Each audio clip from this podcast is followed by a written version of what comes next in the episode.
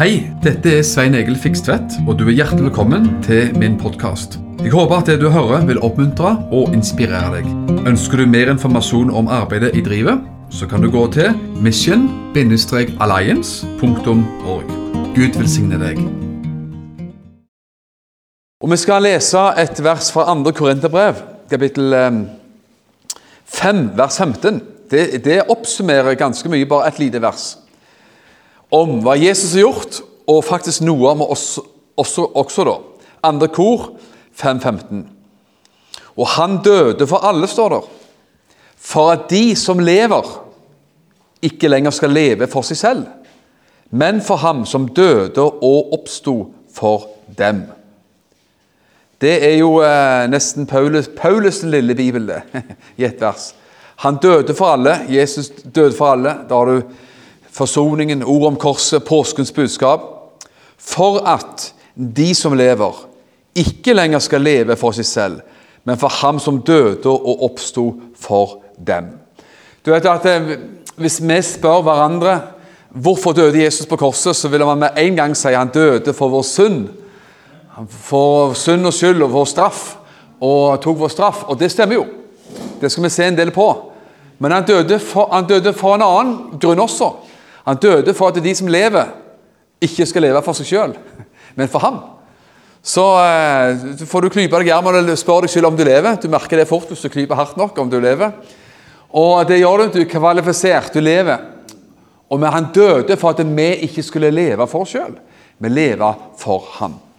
Du vet at det, det som har med ord om korset, forsoningen, det kristne budskapet, det kan oppsummeres i hvert fall i tre ting. Jesus døde for alle. Han oppsto for alle, naturligvis. Og det som vi allerede har lest litt om her, vi er kalt å leve for ham, som døde og oppsto for oss. Og Jeg har lyst til å ta, ta deg med liksom no, i noen av disse punktene her sånn nå. Jesus døde, Jesus står opp, og vi er kalt å leve for ham. Vår respons er at vi skal leve for han som døde for oss. Hvorfor måtte Jesus dø? Det er det store spørsmålet. Han døde. Det er der, uh, det er, liten, det er, ingen tvil om det. Og til og med sekulær historie har ingen problemer med å anerkjenne at det fantes en person som heter Jesus. Og eh, ja, Historikere eh, slår det fast av, forskjellig slag. Så han, han, døde, han døde på et kors. Han levde, og han døde på et kors. Hvorfor måtte Jesus dø for verdens synd? Romerbrevet 3,23 sier det kjente vers. For alle har syndet og mistet Guds ære. Du vet at enten du går, enten du går til legen sjøl, eller du sender bilen din til legen, bilen din til reparasjon, EU-kontroll, så sier gjerne ta bilen først, da, vet du. Så sier man gjerne at man har, funnet, man har sjekt alt mulig, og så ser man at her er det ting som må tas tak i. Og da er Det jo nedslående, da, for med mindre du har fått igjen på skatten. Eh, så kan det jo være en nedslående opplevelse å ha bil på EU-kontroll. For det som da de vil si, vet du, de gir en slags diagnose på bilen og sier at det og det og det er galt. Og så må du gjøre sånn og sånn og sånn. Du, du kan fikse det, da, men det koster deg en god del. Antagelig. Og vel, det, det, bil er bil, men eh, et menneske da er jo viktigere enn en bil. Hva med du og meg? Du har fortalt ditt vitnesbyrd, Roy, som er et sterkt vitnesbyrd på hvordan du har kommet gjennom alvorlig sykdom. Og La oss ta det som et eksempel. Eh, hvis du og meg skulle gå til legen og vi fikk en alvorlig diagnose, og man sier at du, du, du er alvorlig syk, du har fått kreft f.eks., så er det en dårlig nyhet.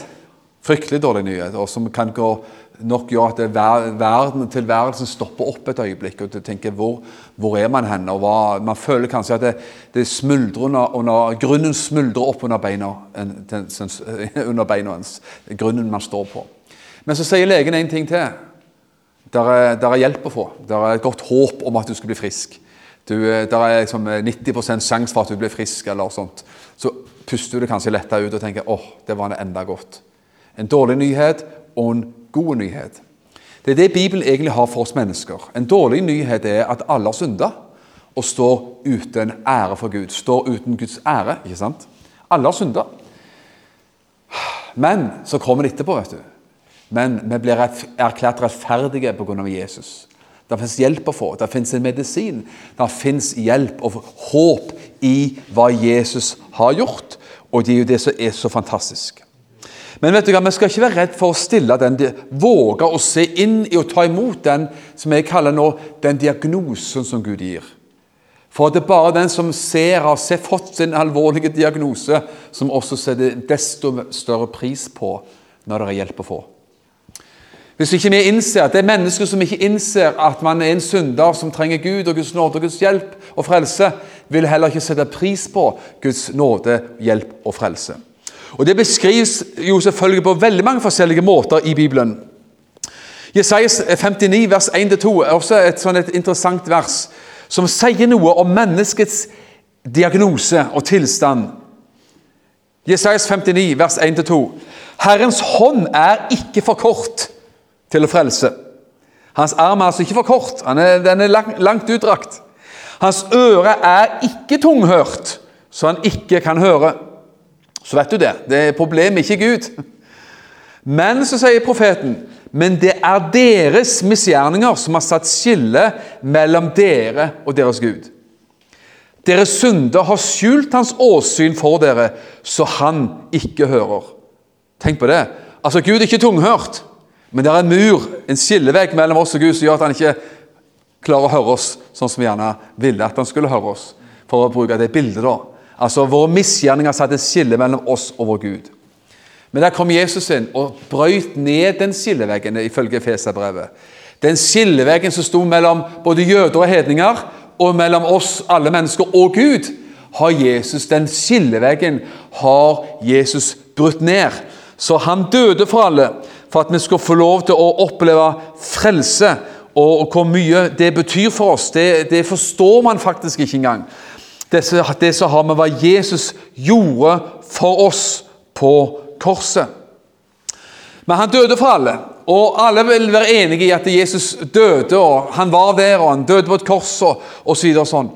Mer krevende er det å anerkjenne at Jesus han står opp igjen fra de døde.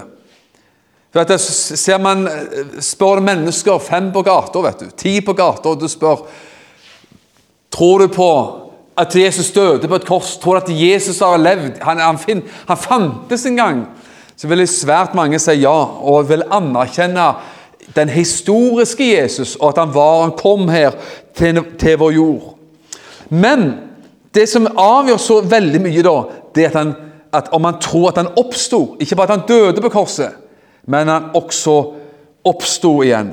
Hvis Jesus bare, øh, hvis, bare, bare, hvis Jesus bare døde, da, og vi bare tror på hans død, og ikke noen oppstandelse, da hadde jo Jesus gått inn i historien bare som en vanlig person.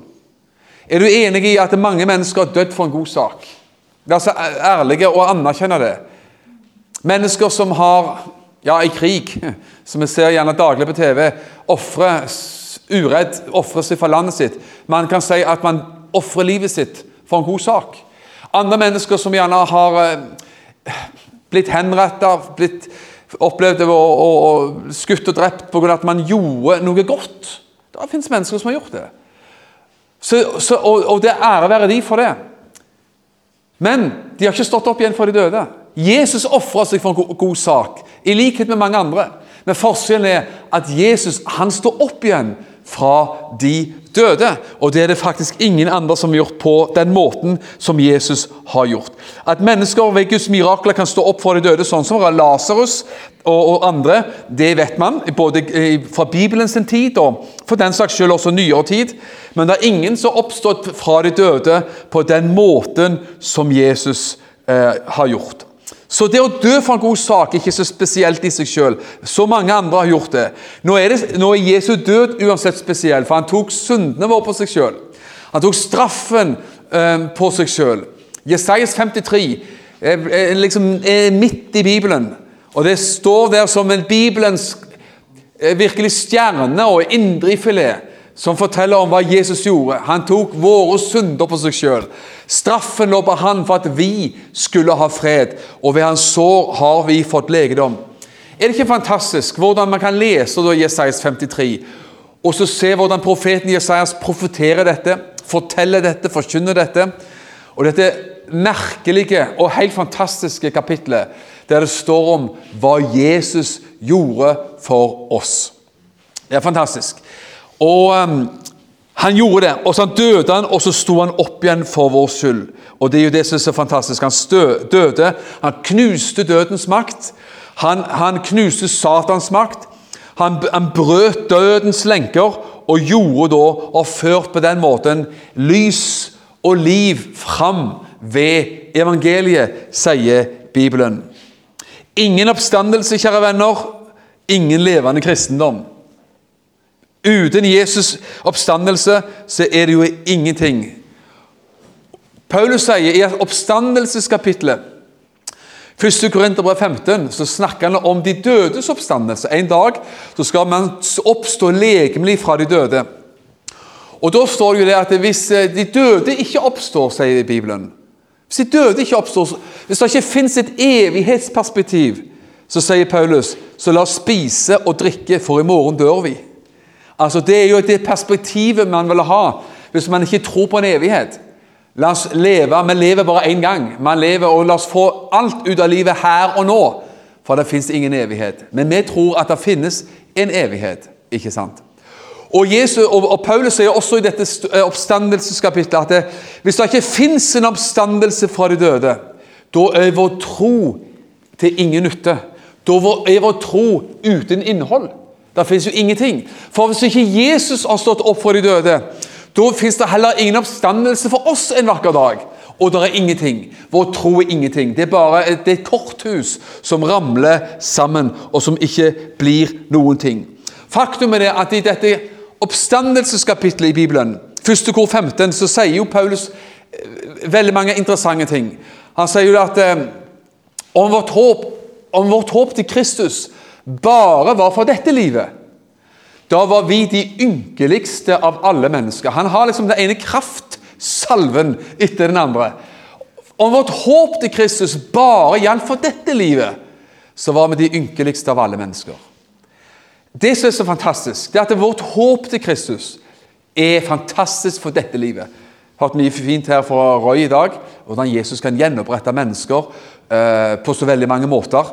Og, og, vet du hva, Det å tro på Jesus her og nå er et pluss. Hvis jeg spurte deg om du vil rekke opp en hånd og si ja, jeg vet det, jeg kan, jeg kan bekrefte at det å tro på Jesus her og nå, i dag, i 2022, så er det et pluss for mitt liv. Alle ville sagt ja på det. Og det stemmer. Det Jesus gjør for mennesker, er bare fantastisk fint. Men hvis vårt håp til Kristus bare gjaldt for dette liv, så var det likevel ikke så veldig. Da var vi blant de ynkeligste av alle mennesker. Kan du se at vårt håp til Kristus strekker seg langt, langt utover dette livet? Og det har, og det har med Jesu oppstandelse fra de døde å gjøre. Det har med at han har blitt oppreist fra de døde.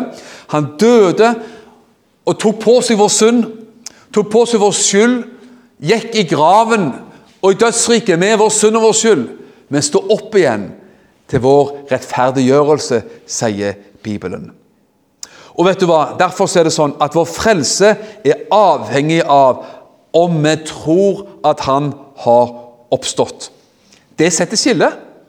Det finnes mennesker som jeg har sagt allerede, som sier gjerne at de bekjenner seg til den kristne troen, og at det er godt med et kristent land og vår kristne kulturarv osv. Alt er bra. Alt det der er jo uh, veldig fint. Men selve frelsen ligger i det. Vi tror at han også sto opp igjen fra de døde. Romerbrevet 10,9 sier Dersom du med din munn bekjenner at Jesus er Herre, og i ditt hjerte tror at Gud oppreiste ham fra de døde, da skal du bli frelst. Ja, her var det jammen, og det var, det var på rett sted, altså. Amen. Så da fikk vi teologien på plass vet du. Prise Gud. Det som det ikke står, uten at jeg skal lage et problematikk ut av det Det står ikke det. Dersom du tror at Jesus døde, så skal du bli frelst. Men du tror, du tror at han sto opp fra de døde. Men hvis du tror at han sto opp for de døde, da tror du at han, døde, tror, tror at han døde først. ikke sant? Men du tror at han sto opp for de døde. Og det gjør at han lever i dag. Hvis vi tror at han sto opp for de døde og beseiret dødens makt, da ligger det i sakens natur at han lever i dag. Og så er det vanskelig av og til for folk å tro, fordi det konfronterer våre liv. For da er spørsmålet hva gjør du og meg med det? At du anerkjenner at han, det var en mann som var, het Jesus en gang og gjorde gode, fine ting og, og sto på der nede i Israels land, og så døde han dessverre for de var stygge med ham, og han ble misforstått, og stakkars Jesus. Og så var, så var det bare en fin historie. Men det er mer enn det. Han står opp igjen for de døde. Han har beseiret dødens makt. Og Derfor så fins det en oppstandelse for oss som venter oss en dag. Det er det som er så fantastisk. Det er et evighetshåp som venter på oss en dag. Så troen på oppstandelsen er grunnlaget for vår frelse. Jeg leser om igjen 1. Korinterbrev 15 også, vers 14. 1. kor 15, 14. Oppstandelseskapitlet. Hvis Kristus ikke har oppstått, hm, da er vår forkynnelse uten innhold. Da er det vi preiker bare tull og, tull og tøys. Og troen deres er uten innhold, eller til ingen nytte. Men vet du hva? Vår tro er til stor, stor nytte. Romerbrevet 4,25. Du får masse skrifter med deg på lasset her. Han som ble gitt Han ble gitt for våre overtredelser. Han ble gitt altså til døden, overgitt til døden for våre overtredelser, og som ble oppreist til vår rettferdiggjørelse. Så det, Vi kan nesten lese ut fra dette at, det, at det syndene våre gjorde at Jesus døde. Men oppstandelsen brakte vår rettferdiggjørelse. Det er prikken over i-en som gjør at det, frelsen er utført. Og skal ikke, Vi skal ikke skille Jesus død oppstandelse, som to, det henger sammen, uløselig sammen. Men mange mennesker vil da, som ikke har tro, som ikke tror, vil si at vi har ingen problemer med å si at han døde, men sto han virkelig opp igjen? Ja, det gjorde han. Han gjorde det. Og det, det, det, utfordrer, det utfordrer oss i dag. Hva gjør vi med det? At han står opp igjen. Og Der kommer også det verset som jeg allerede har lest. 2. kor 5.15. Han døde for alle, nettopp det, for at de som lever, ikke lenger skal leve for seg selv men for ham som døde og oppsto for dem. Det er vår respons.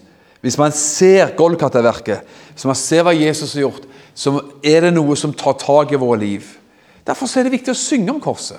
Synge om Golgata. Vi elsker Golgata. Vi, vi, vi holder dette gående. vet du. Synge om korset og blodet og Jesu død, Jesu oppstandelse.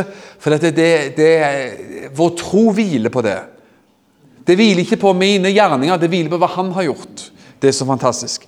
Og det gjør også noe med oss som maner oss til etterfølgelse og tro på dette. Sånn at det er Vår tro er en levende tro, og ikke bare en teoretisk tro. Det er det som er så kolossalt viktig. At vi skal leve for Han, og Han kaller oss til etterfølgelse. Har, og I forlengelsen av det så har jeg lyst til å stille et spørsmål til oss. Hvordan stiller du og meg oss til Jesu Kristi kors? Er det ikke merkelig du, at dette er noe så enkelt? Nå har vi alltid et møtelokale, vet du, så er det et kors på veggen, eller ofte foran på talerstolen eller andre plasser. Eller utenpå døra, eller ute på veggen, eller hva som helst. Så er det et kors som, som viser at det her er det en kristen forsamling. Og vet du hva? Hva er det med dette korset som provoserer noen så kolossalt? Man enten elsker korset, eller så kjenner man at dette med korset blir eh, litt plagsomt, litt provoserende. Litt sånn at det, det, det, det, forstyrrer oss litt og vekker oss opp på forskjellig vis. Det gjør noe med oss. Til tider så har det jo vært sånn, det var saker på det for noen år tilbake. om jeg husker om det var Ei dame var det vel i ja også i NRK, når sant skal sies. Det var sånn korsdebatt om ei dame som hadde på Sørlandssendinga var det vel, hadde kors i eh, sendingen. Det, det var en diskusjon, altså. Kan man det? Ja, Det var jammen ikke lett, altså. Hvordan det endte, vet jeg ikke. men eh, det, og så husker jeg Det var ei dame vel, som, som jobbet i British Airways i England. Hun hadde også det korset som smykke på halsen, og det kunne man virkelig tillate at hun hadde satt med uniform, British Airways-uniform og kors samtidig. Eller var det å gå altfor langt her i livet? Hvordan det endte, det skal heller ikke, det husker jeg ikke lenger, men jeg husker at det var det er jo til å le av, kanskje. eller grine av hvordan man lager problemstillinger. Men det er noe med dette korset som gjør at man, man stilles liksom til, til, et, til, til, ansvar, eller til, man utfordres til etterfølgelse og til å ta stilling til dette korset. Paulus sier i Filippane 3,18 sier han, og det er ganske sterke ord. og det, Paulus sier jo dette som han sier, jeg sier det med tårer, sier han. Jeg har sagt det ofte, og vi sier det igjen med tårer, at det er mange som lever som fiender av Kristi kors. Tenk på det. Lever som fiender av Kristi kors. Og Paulus sa det med tårer, sier han. Sa det med nød, med sorg. At det er så mange som lever som fiender av Kristi kors. Og hva er nå det? Jo, det kan være mange ting som menes med det. Jeg tenker at det kan ha med at alle andre, alle andre alternative frelsesveier er også en fiende av Kristi kors. Ofring. Alt fra ofring av penger. Ofring av dyr, som man gjør i andre kanskje, kulturer og trosretninger. Alt man skal ofre som blir en, noe man gjør i stedet for Jesu kors. Altså blir en erstatning. Menneskets ønske om å bidra, liksom, å hjelpe til, eller til og med erstatte hva Jesus har gjort, med noe annet. ikke det en fiende av Jesu kors? Vi tenker veldig ofte at det, våre synder og våre store, stygge og grove synder er en fiende av Jesu kors.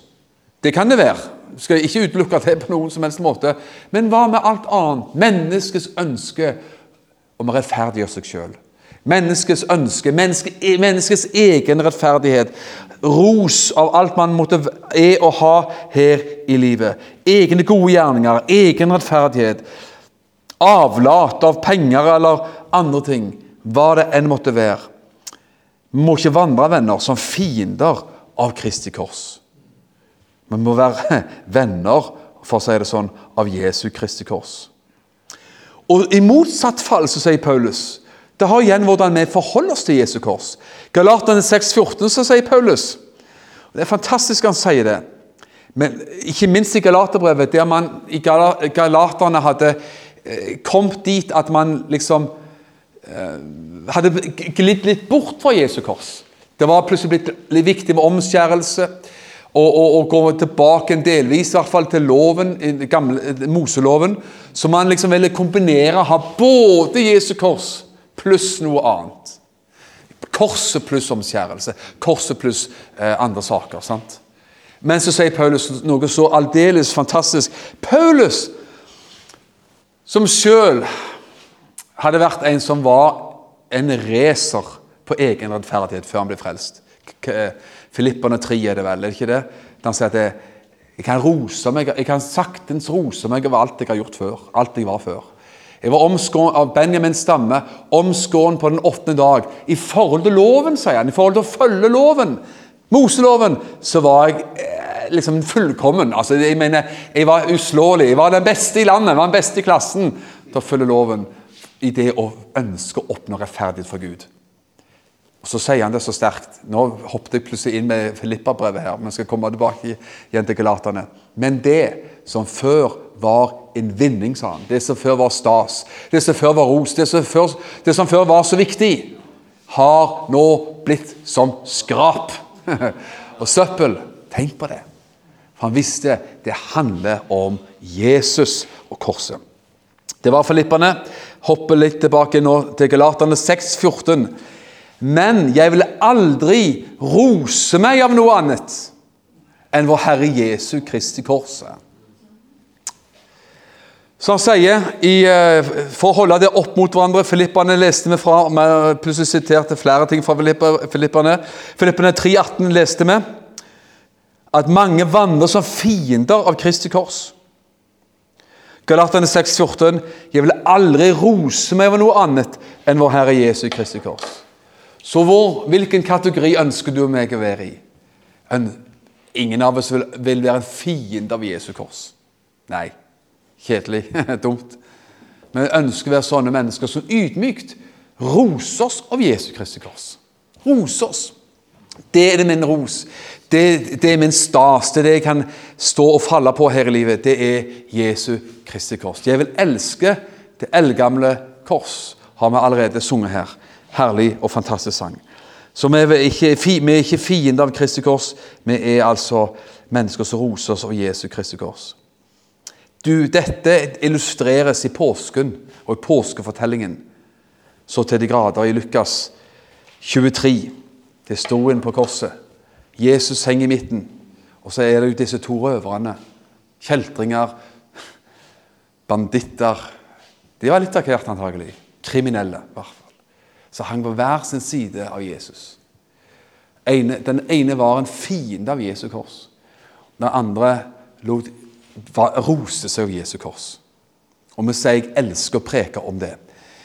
Tenk den ene da spotta Jesus og sa Frels deg sjøl. Stig ned av korset. Stig ned av korset. Frels deg selv og oss og andre og alt.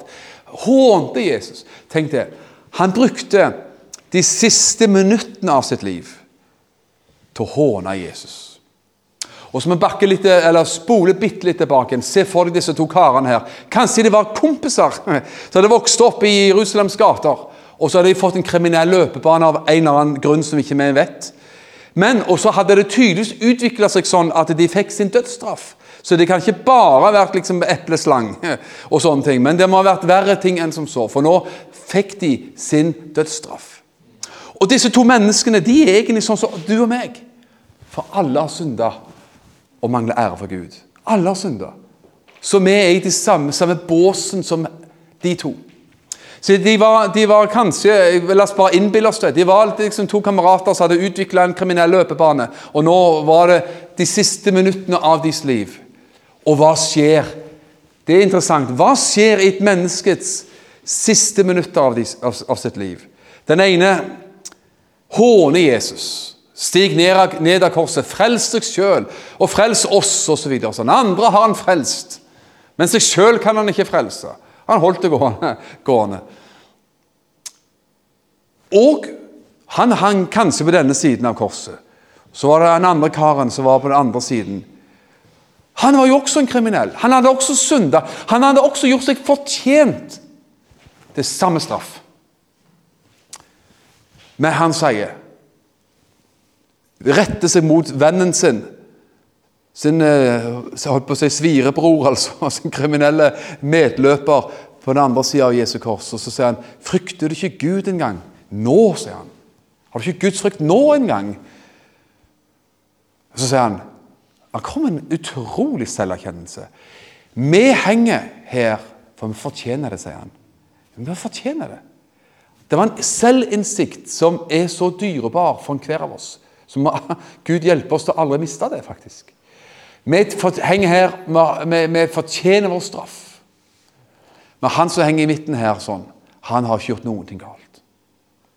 Så han snakker, han refser kameraten sin et lite øyeblikk. Gir han en, liten, en liten reprimande. Så henvender han seg til han som hang i midten, og det var Jesus. Og så sier han, 'Vil du tenke på meg når du kommer i ditt rike', sier han. Det var en kort bønn. Men for, for, for, en, for en, lang konsekvens den korte bønnen fikk. Ja. Så han som hang på denne siden, da, som spotta Jesus, fortjente sin straff osv. i forhold til romersk lov som han sannsynligvis var blitt dømt etter. Han fikk sin straff, han hadde gjort sin synd, gjort sine galne ting. Benytta sin anledning til å avvise han som hang i midten. Bortvise han, håne han. Ja. Tenk på det. Men han stod, og han var en fiende av Jesu kors, kan man i hvert fall veldig trygt si. Så har du han som henger altså da på den andre siden, som også nettopp fortjente sin straff. Altså, også han hadde synda like mye, men hadde en sånn en selverkjennelse, syndserkjennelse og selverkjennelse. Og så anerkjente han hva Jesus gjorde på korset. Tenk på det. Han skjønte jo at det, han henger jo for min skyld. Jeg henger på mitt kors for min skyld, om du vil, tenkte han sikkert. Men han her i midten er i hvert fall uskyldig, og han henger for min, for min skyld. Tenk på det. Og så ber han, som han ofte sier, han ba om en tanke. Tenk på meg når du kommer i ditt rike. Han ba om en tanke, men han fikk et paradis. For Jesus sa, 'Du skal få være med meg til paradis'. Denne mannen roste seg av Jesu kors. Han der borte han var en fiende av Jesu kors. Han her roste seg av Jesu kors. Tenk på det. Man sier av og til også han som hang på denne siden, han, ja, han døde i sin synd og med sin synd. Han som hang på denne siden, han døde fra sin synd. Og Det er det Gud tilbyr ethvert menneske. Man kan få lov til å oppleve. Man dør bort fra sin synd. Tenk på det. For han skjønte at han som hang i midten, hadde faktisk tatt all den synden. Og vet du hva? Man trenger å, å se disse tingene og passe på at man er en venn av Jesu kors. Rose oss av Jesu Kristi kors. Vi kan ikke rose oss av våre gjerninger. Vi kan ikke rose oss av våre bragder. Vi kan ikke rose oss av noen ting. Vi kan bare rose oss av Jesu Kristi kors. La det være langt fra meg å rose meg av noe annet enn Jesu Kristi kors. Det siste verset du skal få med her i dag, før vi går inn i nattverden, det er et fantastisk vers, som er bare sånn en innbydende vers fra Gud. Også det er fra Jesajas. Jesajas 1,18 det er sånne forsoningsvers. Jesajas 1,18 det er Gud som sier 'Kom', sier han. 'Kom nå'. La oss gå i rette med hverandre. Så en annen oversettelse la oss gjøre opp vår sak. La oss gå i rette med hverandre. Fint, det også. La oss gjøre opp vår sak. Gud inviterer mennesker til å gjøre opp sin sak. La oss gjøre opp vår sak, sier Herren. La oss gå i rette med hverandre. Om deres syndere er som skarlagen, skal de bli hvite som snø. Er de røde som purpur, skal de bli hvite som ull. Altså, skif, Man skifter farge vet du, fra, fra skarlagen og purpur, og man bare blir hvit som ull, og hvit som snø, til og med.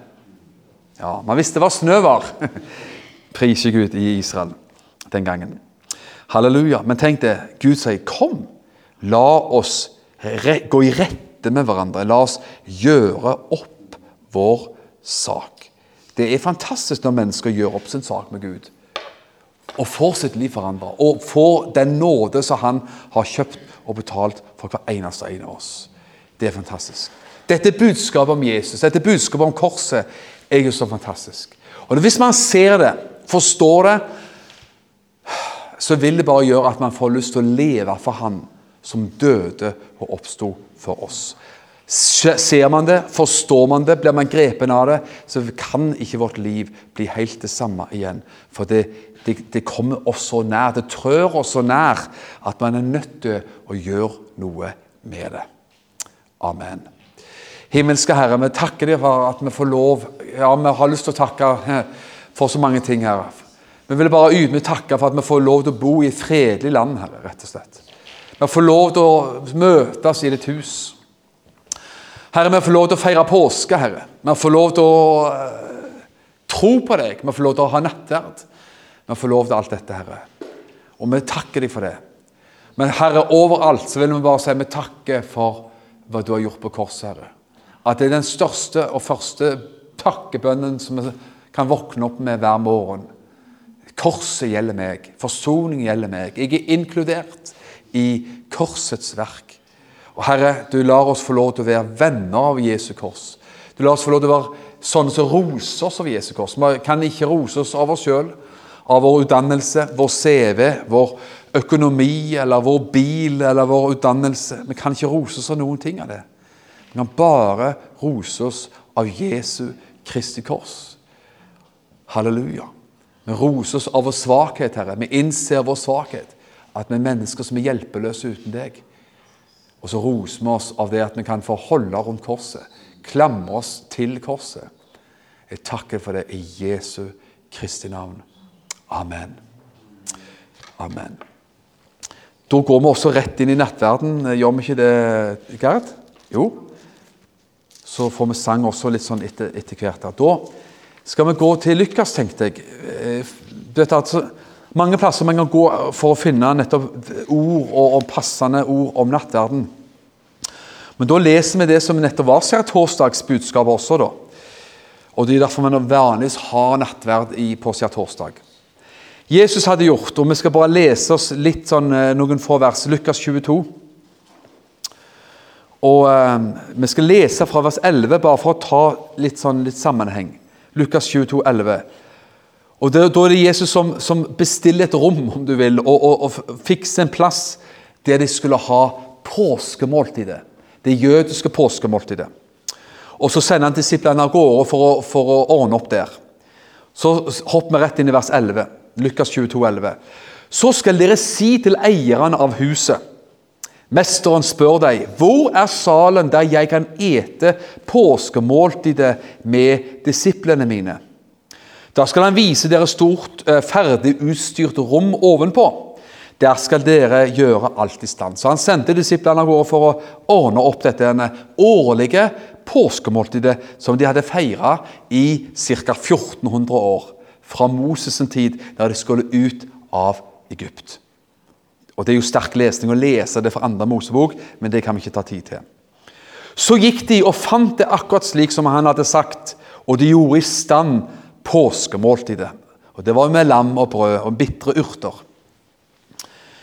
Og så vers 14. Da timen var kommet, satte Jesus seg ned, og de tolv apostlene var med ham.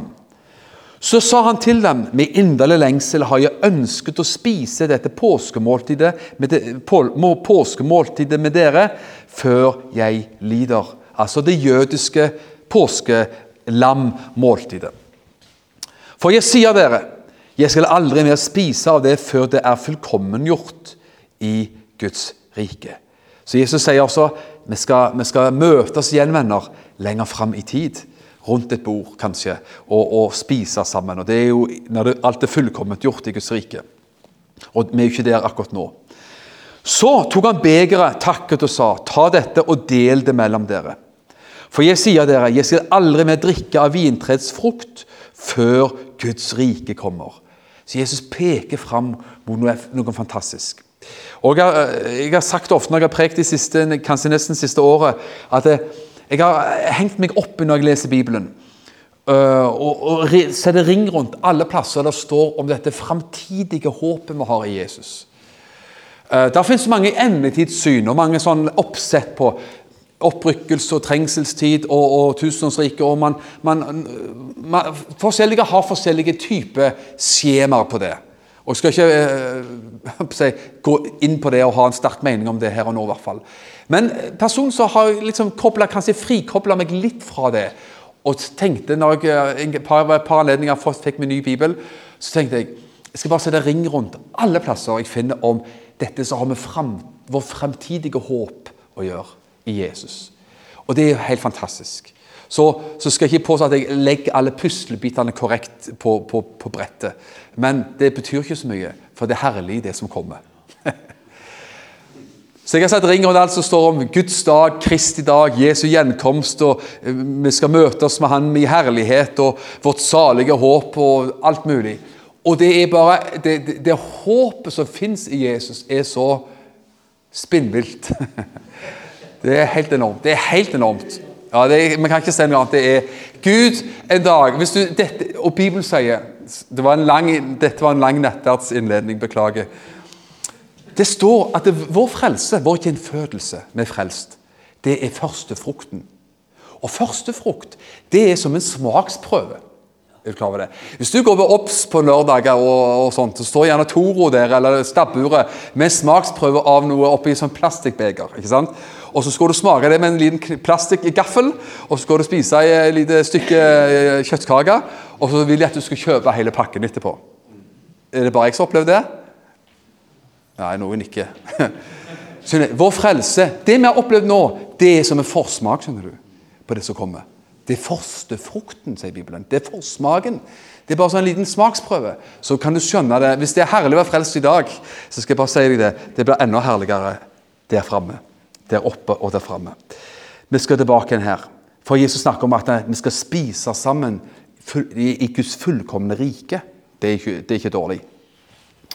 Og så, etter han var ferdige med det jødiske måltidet, påskemåltidet, som var av jødisk tradisjon, og som jødene har i dag, og også veldig mange i vår kultur eh, spiser ofte lam i påsken. Så, vers 19, tok han et brød, takket brødet, ga dem og sa:" Dette er mitt legeme, som er gitt for dere. Gjør dette til minne om meg. Da hadde han altså tatt brødet. På samme måte tok han også begeret etter måltidet og sa:" Dette er den nye pakt i mitt blod, som utgytes for dere. Så er det som om Hvis vi ser de tingene sammen, så har de spist først det jødiske påskemåltidet. Lammet, brød og alt det der. Urter. Og så, så er det som Jesus sier, så, så, så innleder Jesus bare noe helt nytt plutselig. Etter de hadde spist.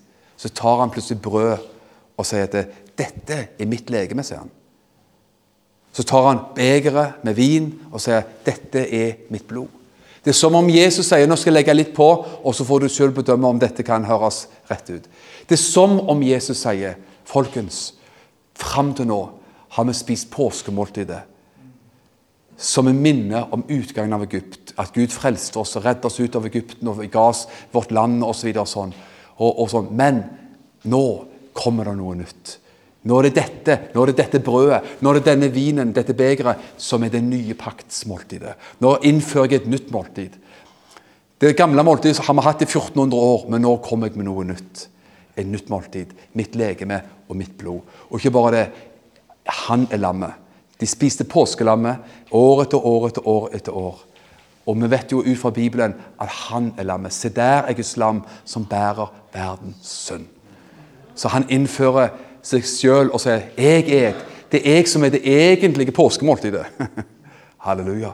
Og vet du hva, Når vi tar brød og saft her sånn i dag, så er det jo sånn at vi tar og minnes Jesus. Han som var det egentlige påskelammet for oss. Som ga seg sjøl som et syndoffer for at vi skulle bli frelst. Første kor 11, der det står om på, eh, nettverden, så står det det. Så ofte Jesus sa det også her gjør dette så ofte dere drikker det til minne om meg. Til minne om meg. Så står det også i, eh, i 1. Eh, kor 11 at så ofte vi gjør det, så forkynner vi Herrens død inntil Han kommer. Og Legg merke til det. Her er vi i 2022. Dette måltidet det peker både fram i tid og bak i tid. Det peker 2000 år tilbake i tid på korset hva Jesus gjorde for oss. Amen. Men det peker også fram i tid. At han kommer tilbake igjen en gang. Amen. Det peker bakover i tid på korset, og så peker det framover til hans gjenkomst. Og alt som skal bli fullkommengjort i hans rike. Det er vårt håp, og det er vår glede og det er vår feiring. At vi der på den måten også kan ta alt dette her. Amen. Takk for at du har lytta til denne podkasten. Jeg ønsker deg en velsigna god dag.